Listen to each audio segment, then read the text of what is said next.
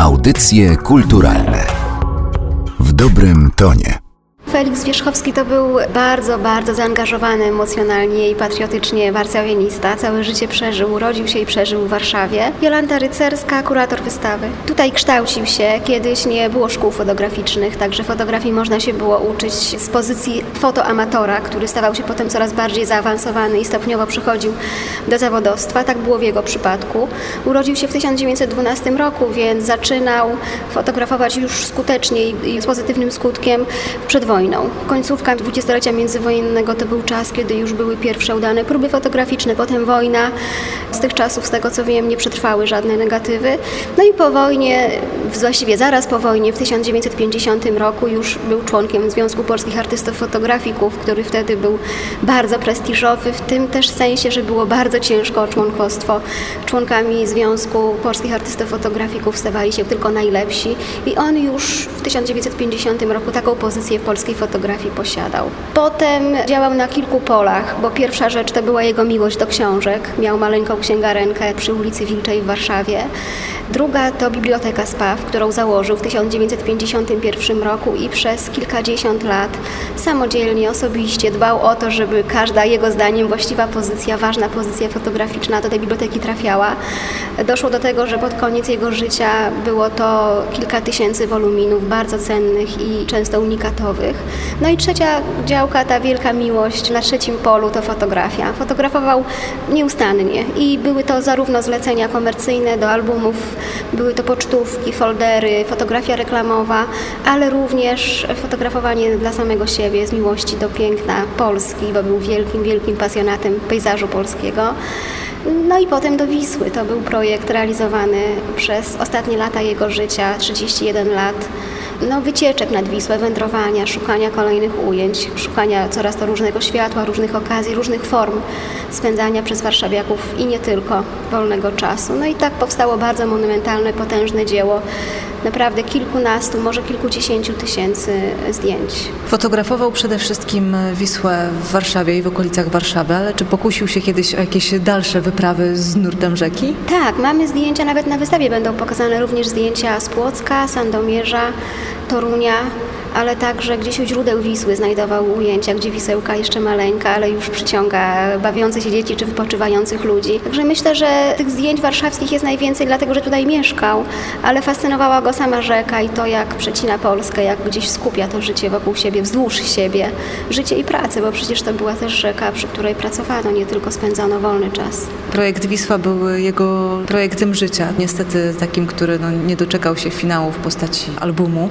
Czy wiemy, jak jakie były założenia? Czy on opowiadał o tym, jak chciałby, żeby ta praca wyglądała, kiedy już będzie skończona? Tak, on zrobił makietę książki. Marzył o tym, że uda się wydać. No czasy, potem choroba były takie, że gdzieś nie sprzyjały temu, nie udało się tego zrealizować.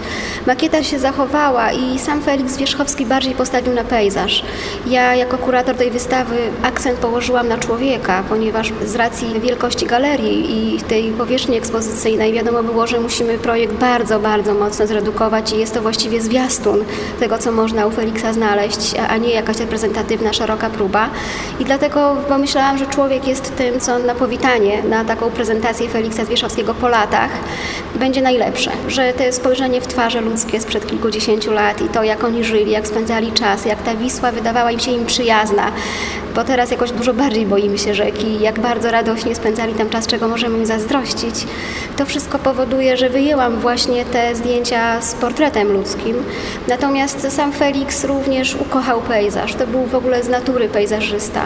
On był człowiekiem, który przeżył wojnę, już jako młody człowiek, nie jako dziecko. I myślę, że też potem ta radość z niepodległości, z odzyskania podmiotowości czy wolności tego, że gdzieś tam to życie odzyskało taką codzienność niewojenną, powodowało, że stał się fanatycznym wręcz miłośnikiem krajobrazu.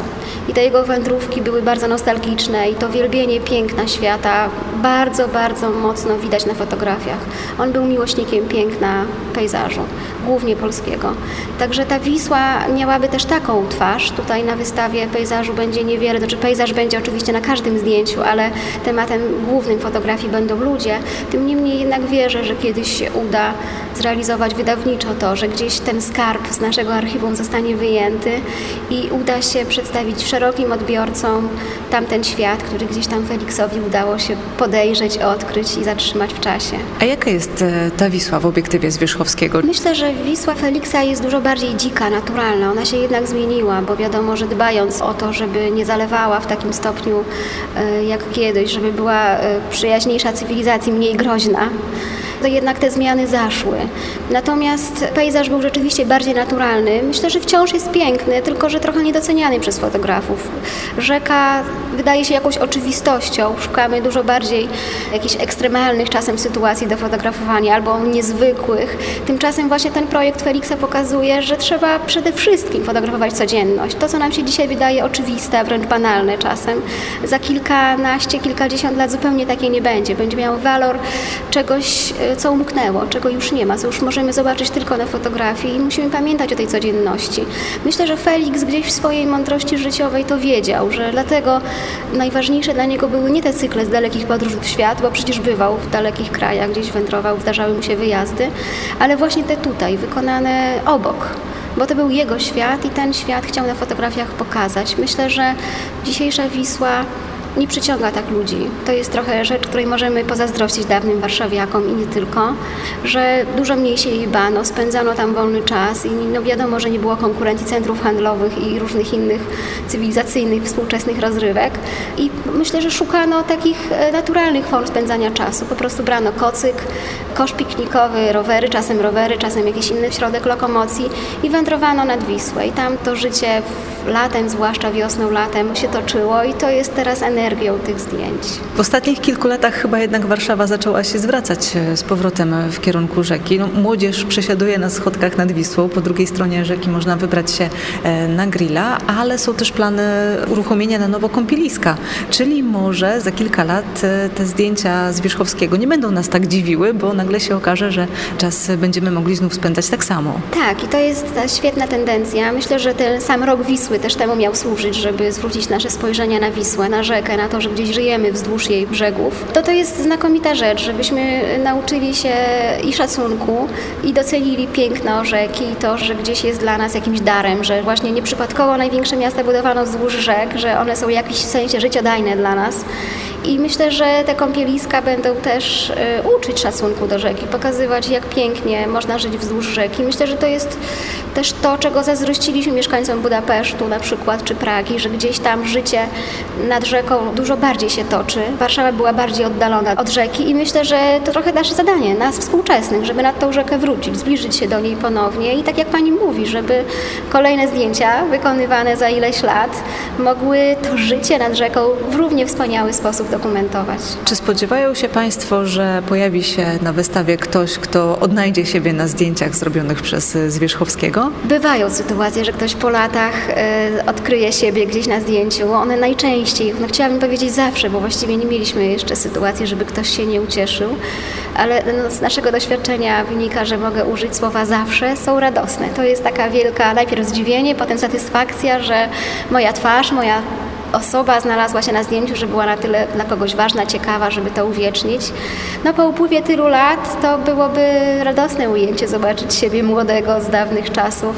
No myślę, że przez ten miesiąc trwania wystawy i o ile warszawiacy już trochę wrócą z lipcowych urlopów i gdzieś dosyć tłumnie będą wędrować wzdłuż krakowskiego przedmieścia, jest szansa na to, że ktoś siebie zobaczy, bo wiemy, że większość zdjęć to będą jednak zdjęcia z Warszawy. Czy planowana jest jakaś kontynuacja? Może skoro teraz jest ta wystawa skupiona bardziej na człowieku, to może i te zdjęcia, które są stricte pejzażowe, e, znajdą się w jakimś niedługim czasie w Kordegardzie? Myślę, że można byłoby przede wszystkim zaoferować innym galeriom tę wystawę i gdyby zdarzyło się tak, że zainteresowana byłaby galeria większa niż Kordegarda, to można by rzeczywiście obok tej ekspozycji, która jest gotowa i do pokazywania, dobudować drugą część, e, skupioną choćby właśnie na czystym pejzażu, takim, który gdzieś tam stanowił trzon założenia Feliksa Zwierzchowskiego.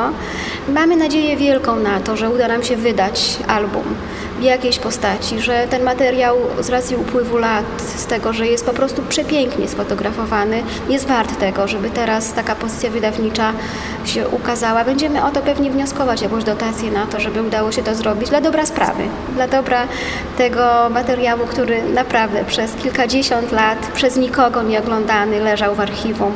I to jest debiut zdjęć wykonanych w latach 1958-89. Samo to pokazuje unikatowość tego materiału.